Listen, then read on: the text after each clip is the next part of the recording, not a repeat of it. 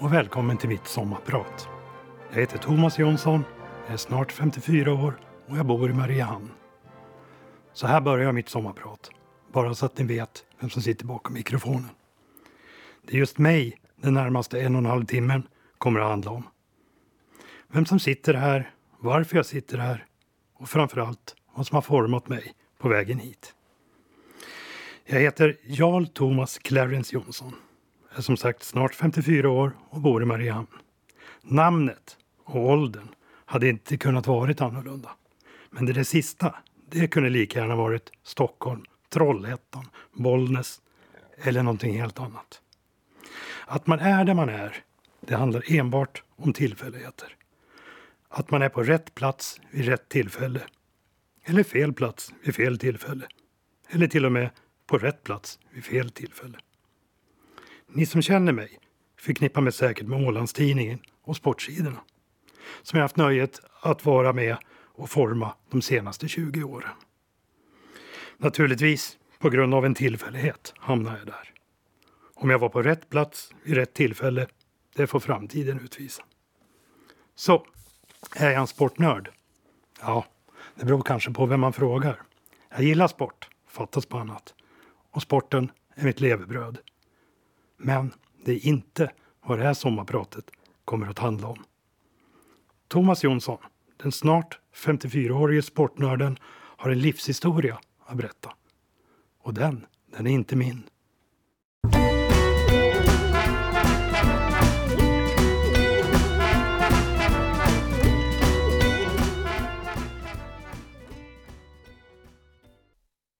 Det där var SAS ni hörde. En fransk sångerska och låtskrivare som ni kommer att höra mer av längre fram i programmet. Den här gången sjöng hon att man ska ta hand om sin tunga. Man ska vara noga med vad man säger. Och berätta, det är viktigt. Och att lyssna, det är också viktigt. Allt man gör och säger kan få en betydelse. För många av er som känner mig förknippar mig säkert också med curling. Curling, en ny sport som jag fått nöjet att vara med och utveckla på Åland till vad den är idag. Och jag har med tiden, om jag får säga det själv, blivit en ganska duktig curlare.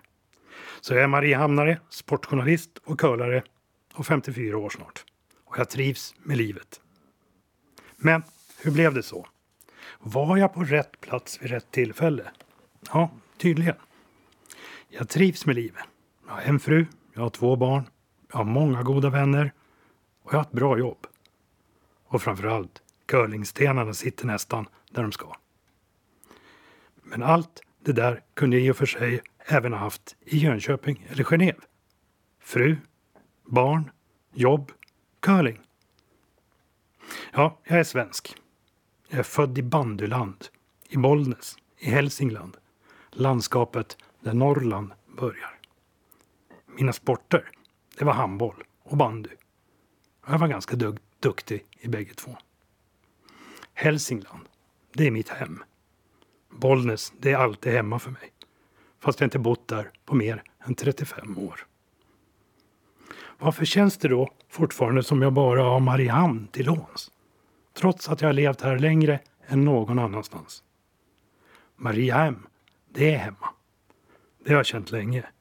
Men Mariehamn, det är inte mitt heimat. Stopp, hej hallå jag ville bara säga Du är inte ensam om att bära denna längtan Det där var några riktiga hälsingegrabbar. Perssons pack. Sånt som jag lyssnar till när jag får hemlängtan. Och det får jag, lovar. Ta mig tusen dagar härifrån, löd texten. Ja, mitt heimat, det är Hälsingland. Bollnäs är hemma och det kan ingen ta ifrån mig. Där är jag född. Men jag har lite fler heimat och det är något jag skäms lite över. Vi ska komma till det. I de övre tonåren valde jag att på egen hand söka mig bort till storstan. Egentligen sökte jag mig nog inte till något, utan sökte mig bort. Det blev Stockholm och det blev äventyr. Som så många andra, och med facit i hand, ett ganska bra val. Jag tänker på de som inte har något val. Det finns allt för många. Jag tänker när den stora flyktingströmmen från Syrien och Mellanöstern börjar röra på sig uppåt i Europa för ett par år sedan. Snacket började gå. Vem skulle vi ta emot? Vilka skulle vi ta emot? Skulle vi ta emot överhuvudtaget? Det här fick min mamma att börja berätta.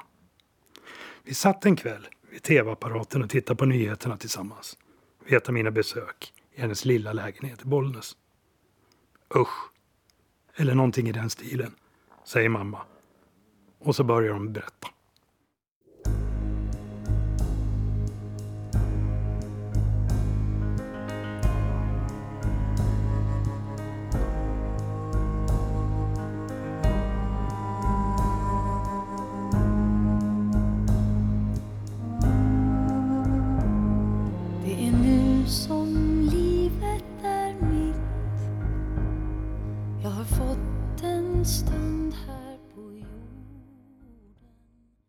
Gabriellas sång, Helen Sjöholm.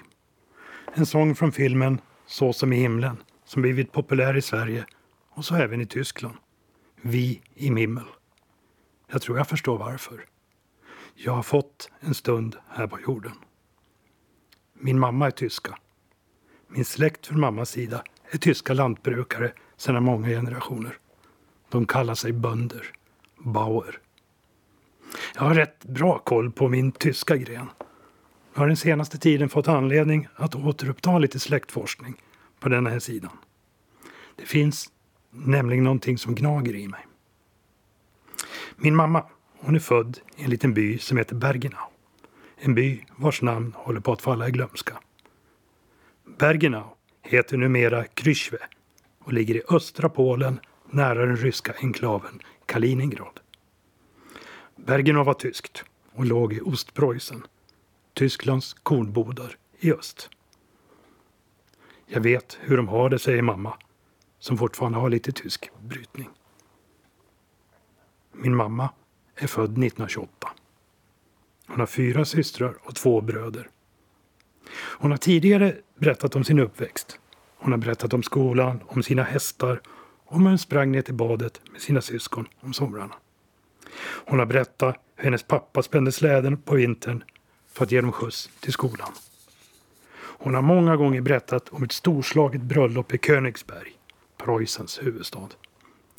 Hon har berättat om de långväga besöken hos sin moster på Amelienstraße 25 i Berlin. Men hon har aldrig berättat om tiden efter våren 1945. Förrän nu.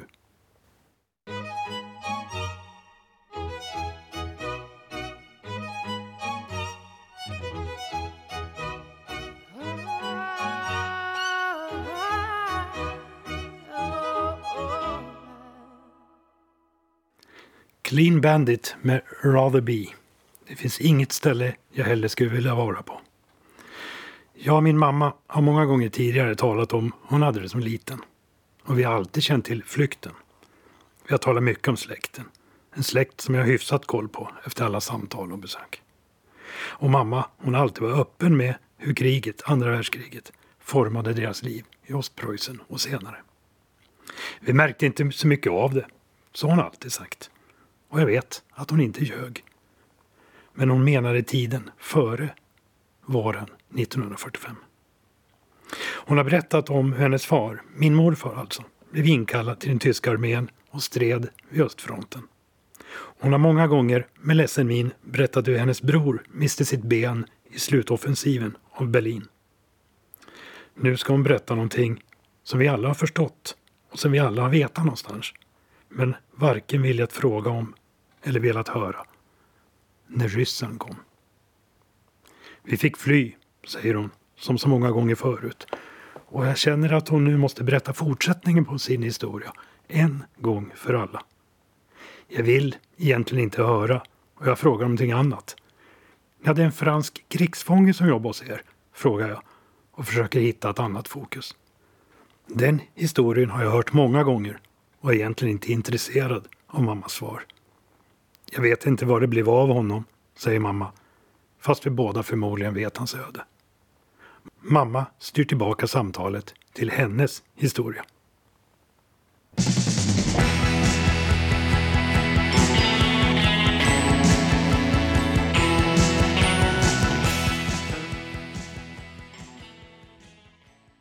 Born to Run, Bruce Springsteen.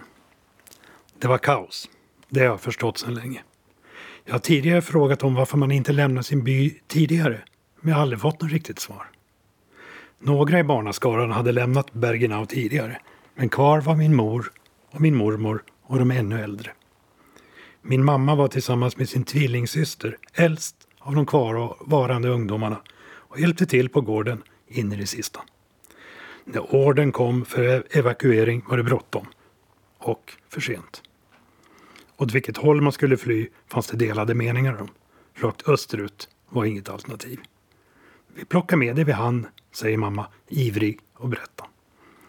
Hon har för sin egen del helt klart för sig vilken väg de tog. Men hon har lite svårt att återberätta det geografiska för mig. Om det var norr, söder eller väst. Jag bestämmer mig i mitt sinne att de flydde västerut. Det känns tryggast för mig. Hon nämner byar som idag heter någonting annat och jag grämer mig att jag inte har lagt det på minnet. Innan de flyr gömmer de en pälsjacka bakom ett skåp i hopp om att den ska vara kvar när de får återvända. Men ryssen kom ikapp. Var någonstans kommer mamma inte ihåg när jag frågar. Dum fråga av mig. Och återigen försöker jag hitta ett annat fokus på historien. Sen berättar mamma i detalj. Och jag gråter. Det är ju inte mamma. Inte den gången. Nu blir mammas historia ännu mer detaljerad. Nu när hon bestämt sig för att berätta av sig. Nu kan hon berätta lite mer om den franska krigsfången, om de olidliga förhållandena under flykten och om alla döda människor de såg på vägen västerut. Och så berättar hon sin hemliga historia en gång till. Och en gång till. Hon berättar hur de irrar omkring i laglöst land. Om hur de återvänder till ett plundrat hem och faktiskt hittar sin pälsjacka. Men kvar får de inte vara. Och kvar blir pälsjackan. Den var liksom inte lika viktig efter vad som hade hänt. Kvar i Bergenau blev även alla de som ryssen tyckte det var värt att offra en kula på.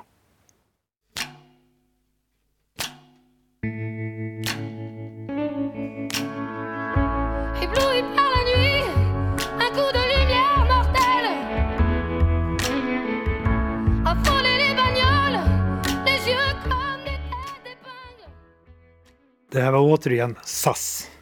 Abloui par. Bländad på natten. Den var för den här franske krigsfången vars öde både känt och okänt. Min släkt, ja, de klarade sig relativt bra under kriget och krigsslutet. Där de flesta i alla fall klarade livhanken. Mormors mormors mor undantagen. Min morfar, han kom gående hem efter ett par år från Ryssland där han hållits krigsfånge. Mig veterligen berättade han aldrig sin historia. Och det gjorde inte min mormor heller. Alla visste, men ingen talade om det. Den tyska skammen att starta ett krig och förlora det var påtaglig. Nu fick de som överlevde betala sitt pris med tystnad. Det fanns ingenting att tala om. Ungefär så uttryckte sig min mor, fast på ett lite mer komplicerat sätt. Jag åker fortfarande och hälsar på min mor, även om det blir mer och mer sällan nu. Jag tycker om att köra bil. Min mamma, hon faller längre in i sin demens, men hon känner igen mig fortfarande, även om hon blandar mig med sin bror ibland. Jag är glad att hon har delat hela sin historia med mig, även om min första reaktion var att jag ville inte höra. Jag visste ju ändå, någonstans. Jag tänker på mormors mormors mor, som bodde tillsammans med min mamma i Bergenau i sitt älskade Ostpreussen. Mamma, hon talar ofta om Gråsmutter och jag har faktiskt en bild sparad på henne. Hon hette Augusta Sattler. Hon flydde norrut innan ryssen kom. Kanske i hopp om att komma på en flyktbåt på Östersjön. Kanske för att möta sitt öde på egen hand. Allt min mamma vet är att hon försvann i kaoset. Hon försvann i trakten av Kaliningrad. Inget mer i en ålder av 94 år.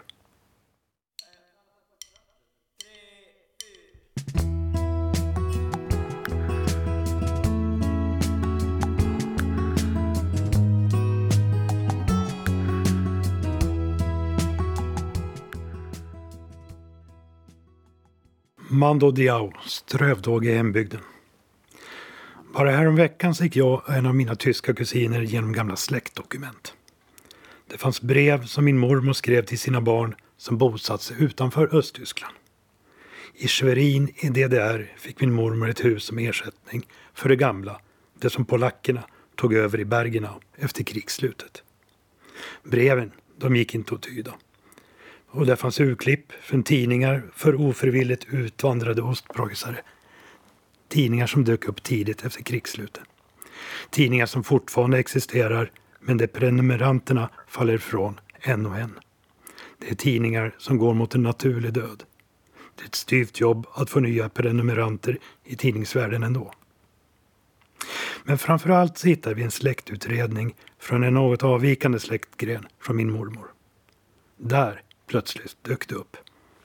Augusta Schütz, gift Sattler, född den 18 februari 1851, död den 6 juni 1945 i Kreis Koren Samland. Ett datum och en plats. Augusta fick tydligen ro vid nuvarande Svetkolorsk vid Östersjöns strand. Jag har tänkt på Augustas öde många år. Nu har jag något att gå vidare på. För någonstans i den här historien måste jag bara få veta. Hur gick det för Augusta? Av min mamma kan jag inte få mer information. I höst blir hon 90, vilket inte är en ovanligt hög ålder i mammas släkt, Augusta inräknat. Min mammas storebror, han med benet, han vill inte tala om kriget.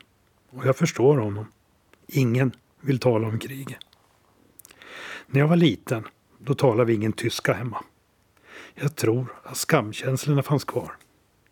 Min mor, som kom till Sverige några år efter krigsslutet, slog sig ner i Bollnäs, hittade kärleken och blev kvar. Men tyskan, den lämnade hon nach Hause.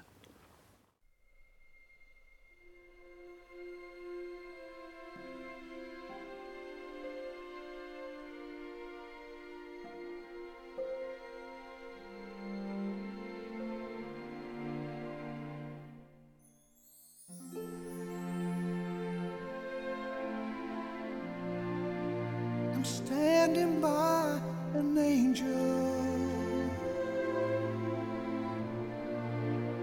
Tears well up inside. Det var Björn Skifs och Agnes med låten When you tell the world you're mine. Den från sagobröllopet mellan kronprinsessan Victoria och Daniel Westling. Ni lyssnar på Ålands Radio med mig, sommarprataren Thomas Jonsson. Min mor, hon fick behålla de flesta släktingarna från sin bondfamilj som genom generationer plöjt, sått, skördat och tagit hand om sina hästar i Ostpreussen. Mamma kommer fortfarande ihåg namnen på alla sina hästar. Men gården, hennes heimat, får hon aldrig tillbaka. Min mor åkte första gången tillbaka hem för ett par år sedan. Det var strax innan demensen slog till. Hon fick återse sin by en sista gång. Min bästa resa någonsin, sa hon. Idag har hon glömt den. Men hon fick, hon fick bilda en egen familj, fast utan hästar. Och jag fortsatte traditionen att bilda familj i ett annat land. Fast på ett helt annat sätt. Om min mamma var på rätt eller fel plats vid rätt eller fel tillfälle, det är omöjligt att avgöra. Jag har haft ett bra liv. Det återkommer hon till varje gång vi ses. Bondens häst rymmer. Otur, säger grannen. Kanske, säger bonden. Men hästen kommer hem och har med sig en till. Bra, säger grannen. Kanske, säger bonden. Bondens son rider den nya hästen, men han kastas av och bryter benet. Otur, säger grannen. Kanske, säger bonden. Nästa dag kommer militären och värvar alla unga män utom bondens son. Underbart, säger grannen. Kanske, säger bonden. Vi vet aldrig åt vilket håll livet tar vägen och riktigt hur våra val påverkas för framtiden. Jag å min sida kan inte släppa tanken på att en liten bit av Bergenau fortfarande är mitt. Är även mitt heimat någonstans? Det är en väldigt dum tanke. Och jag skäms lite när jag tänker så.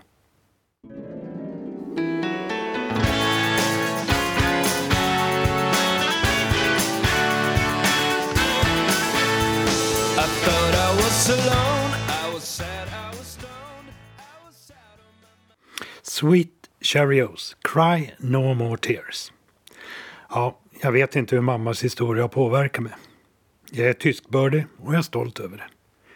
Men jag känner faktiskt inget hat gentemot vad ryssarna gjorde med min mor och min familj. Å ena sidan skulle jag vilja känna det. Vad de gjorde var omänskligt och avskyvärt. Å andra sidan vet jag inte själv hur jag skulle reagera om min familj blev utsatt. Med facit i hand så var det Tyskland som startade kriget. Det var Tyskland som först brände, skövlade, lemlästade och våldtog på sin väg österut.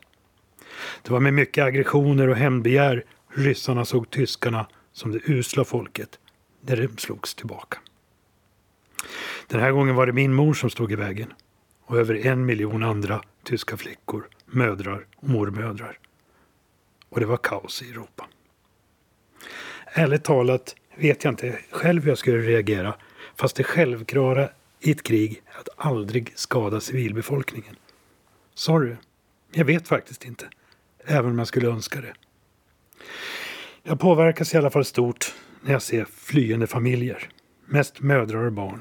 I alla de flyktingströmmar som fortfarande pågår. Jag skulle hjälpa alla om jag bara kunde. Det finns i blodet. Men tyvärr gör jag som många andra. Jag ser på, jag ruskar på huvudet och det enda jag gör är att skämmas.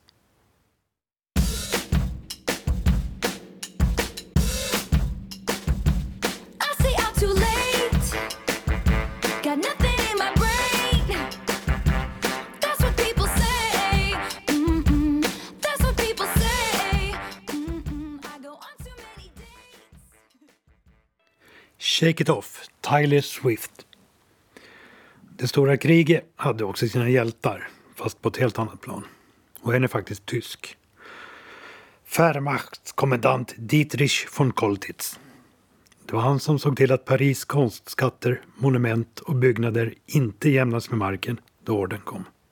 Han bytte helt enkelt sida och tilldelas även franska hederslegionen för det.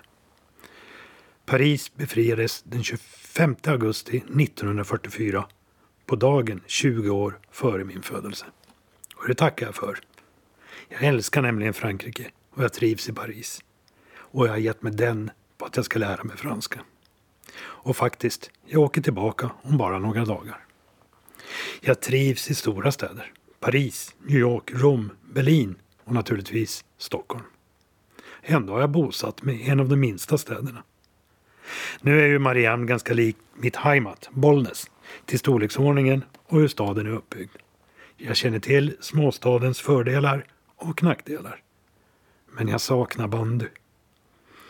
Jag känner mig hemma i Mariehamn och jag kallar mig Mariehamnare. Och det tycker jag man får göra efter 20 år.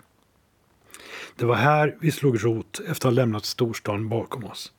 Jag klev i land utan jobb, men med min käresta och två små barn i lasten.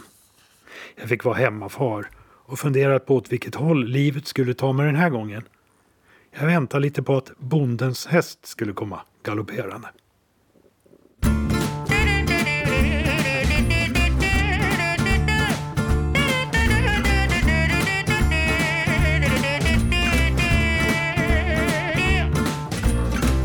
Donnez-moi une suite au Ritz, je n'en veux pas. Des bijoux de chez Chanel, je n'en Ja, det var SAS igen. Je vaux, jag vill. När bondens häst kom galopperande så var det Anders Mattsson som satt på ryggen. Nu talar vi om den sista skälvande tiden av förra seklet. Det var så att kulturredaktör Benita Mattsson Eklund skulle vara tjänstledig samtidigt som en tjänst på Ålandstidningens sportredaktion blev ledig. Redaktionschef Anders Mattsson lyssnade om jag var intresserad. Om man skulle ta skaffa sig ett jobb. Jag hade frilansat ett halvår ungefär för tidningen, mest på sporten. Men jag hade även hunnit med att recensera Sundspiroger och skrivit om forntida instrument. Jag hade även hunnit med att skapa upplopp på ett servicehus då jag gjorde en minigallup om vilken peppar som passar bäst till utfisk. De blev osams. Frågan från Anders Mattsson blev om vilken av jobben jag kunde tänka mig. Jonsson som kulturredaktör? Kanske. Jonsson som sportredaktör? Kanske. Sporten kändes mer bekväm trots att det inte spelas bandy här. Och handbollen, ja den var inte direkt stekhet. Det fick bli sporten. Både före och efter det har valen varit många. Både i jobbet och privat. Och det är hela tiden tillfälligheter som dyker upp. Barnen har vuxit upp och även hunnit försvinna bort på sina egna hästar. De har sina egna val och de har givit sig av av egna tillfälligheter. Jag har köpt hus och jag har sålt hus och jag har även hunnit med att gifta mig. Man ska inte rusa in i förhållanden, det har jag alltid sagt. Det tog oss nästan 20 år innan vi slog till. Och jag har aldrig ångrat mig. Vi är rätt olika jag och min fru. Vi har rätt olika musiksmak och vi tittar på olika slags filmer. Och vi har rätt olika smak för det kulinariska. Surströmmingen är min. Man är väl norrlänning. Det vi har gemensamt är att vi gillar musik, film och mat. Och det räcker långt. Riktigt långt. Jag tycker om att resa med min fru. Vi hittar alltid gemensamma nämnare. Och vi båda gillar att vandra runt i stora städer och bara upptäcka saker. Senast var det Parfymmuseet i Paris. Det doftade kärlek, banne mig.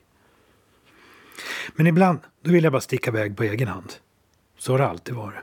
Jag har svårt att följa strömmen. Och det är inte alltid bra. Och jag är ingen höjdare på praktiska saker. Går bilen sönder finns det verkstäder. Går datorn sönder, då finns det kompisar. Och jag kör inte båt. Inte än i alla fall. Men i sommar, då blir det ändring på det. Å andra sidan har jag några andra strängar på min lyra som är obekanta för de flesta. Jag kan spela cricket och jag kan döma en handbollsmatch. Jag har gått kurser i silversmide och jag vet någonstans vilka plantor som passar i en stenträdgård. Och jag vet hur man sitter på en hästrygg. Jag följer med vad som händer i svenska kungahuset och jag kan åtminstone några namn på kungabarnbarnen. Och jag gillar verkligen ABBA.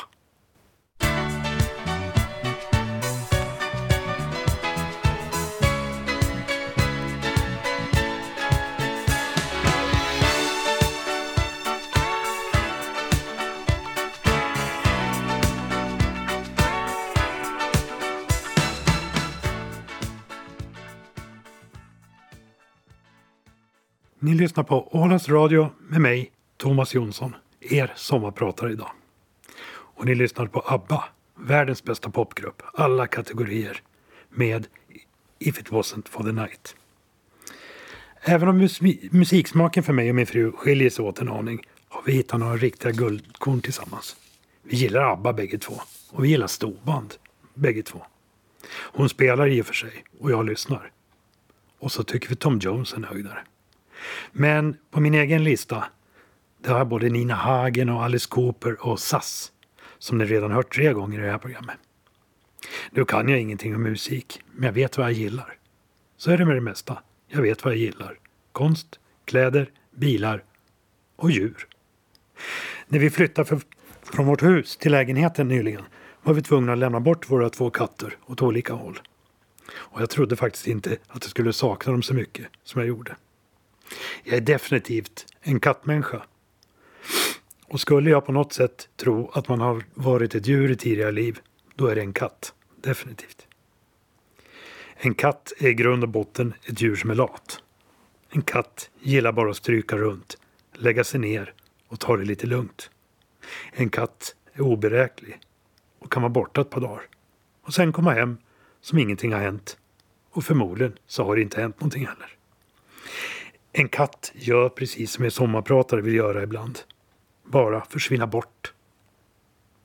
Jag är tyvärr ingen hundmänniska.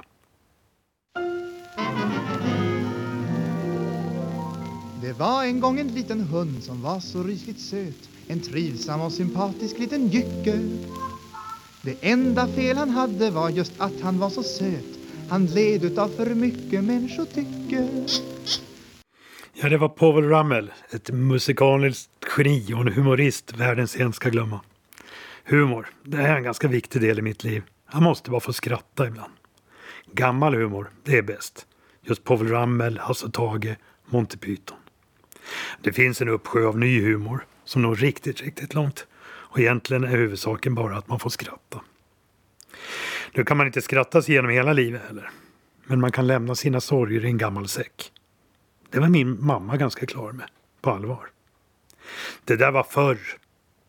Det var det senaste hon sa när jag försökte ta upp det här med hennes uppväxt igen. Den stora flykten. Och det här var ett par år efter vårt stora samtal. Som det är nu har min mamma svårt att blicka både framåt och bakåt. För egen del har jag inte lämnat bakåt ännu. Det finns mycket där att upptäcka och jag är lika nyfiken framåt. Det är inte lite att man undrar hur det ska bli med allt, med barnen och så. Men huvudsaken är kanske att man kan ta det lite med lite humor.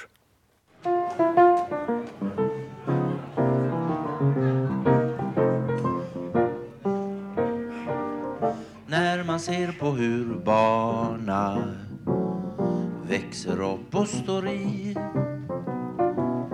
kan man undra om barna någonsin får det som vi Om det finns jobb, om det finns mat, om det är Ett glas öl, Hasse Alfredsson. En av mina stora förebilder. Ja, han är kanske den enda faktiskt.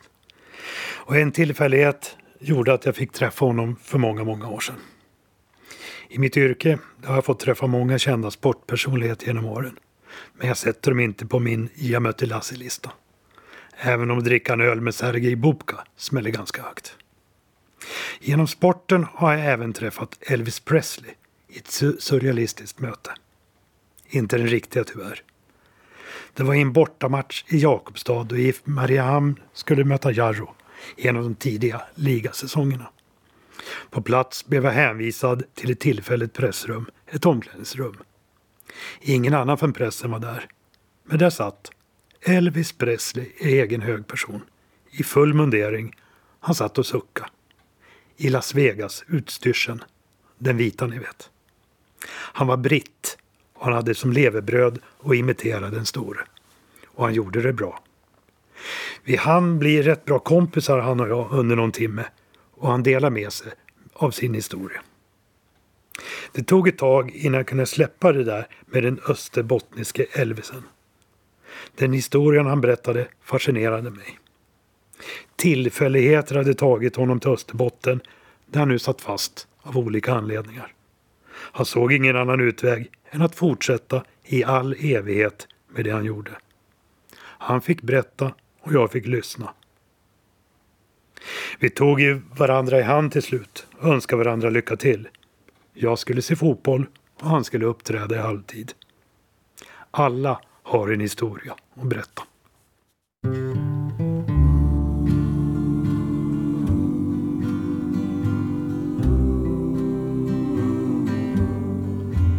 Are you lonesome tonight? Do you miss me tonight? Are you sorry we drifted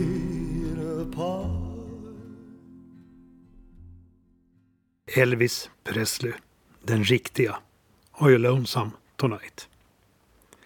Ja, det här sommarpratet börjar ta sitt slut, som det heter. Här på Åland har jag lärt mig att man börjar åka hem. En bra stund innan man åker. Och med facit i hand så är det ju just det man gör. Jag gillar frasen att börja åka hem allt mer. Och kanske betyder det att jag får kalla mig en riktig ålänning. Men det betyder inte att jag ger upp mina djupt rotade seder och bruk jag lagt till mig hemifrån. Och jag ger inte upp hälsingedialekten. Den dialekten, den har ni inte fått höra idag. För då hade ni behövt spetsa öronen lite extra. Nu är det bara 47 dagar kvar till man får öppna börsken på surströmmingar. Och 177 till jul då. Jag heter Thomas Jonsson. Jag är hälsing och Maria Hamnare och är snart 54 år. Snart. Ha en trevlig sommar. Och glöm inte att det snart kommer en vinter. om sisådär 25 veckor, efter björnjakta. Tom Jones och Sherry Matthews, It's Cold Outside.